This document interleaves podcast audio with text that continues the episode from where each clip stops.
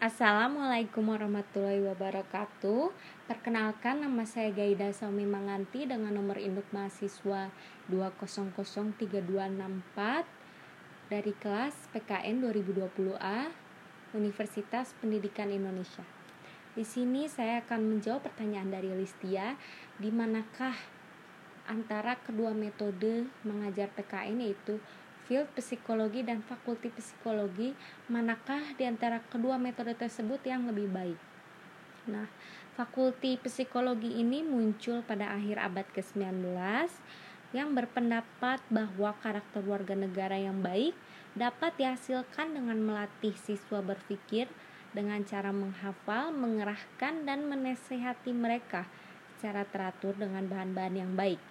Dan metode ini itu terdapat beberapa keberatan. Yang pertama, orang tidak akan menjadi baik dengan jalan dinasehati terus-menerus. Yang kedua, tidak ada kesempatan meneliti atau menyelidiki. Yang ketiga, tidak ada kesempatan menilai. Selanjutnya, muncullah metode belajar psikologi pada tahun 1930.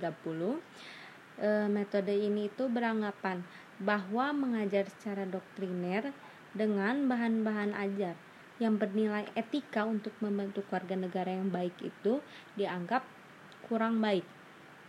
E, metode ini tuh beranggapan bahwa proses belajar yang demokratis dan dinamis dianggap lebih efektif dan akan memperoleh nilai yang sebenarnya, yaitu dengan mendorong yang pertama partisipasi aktif siswa, yang kedua mempunyai sifat inquiry, yang ketiga yaitu pendekatan pemecahan masalah.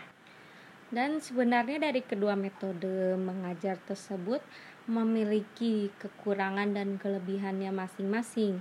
Di antaranya eh, penerapan konsep prinsip Fakultas Psikologi itu mampu menekankan pada proses latihan memorisasi guna mem mematangkan potensi fungsi-fungsi dalam pikiran secara terpisah Sementara itu, konsep dan prinsip psikologi yang menekankan pada proses tilikan atau insight yang bersifat holistik yang akan melahirkan proses belajar yang lebih bermakna seperti proses pemecahan seperti proses pemecahan masalah dan inquiry kurang mendapat perhatian, serta field psikologi itu lebih mengutamakan keutuhan dan fakulti psikologi yang lebih mengutamakan drill dan memorization proses.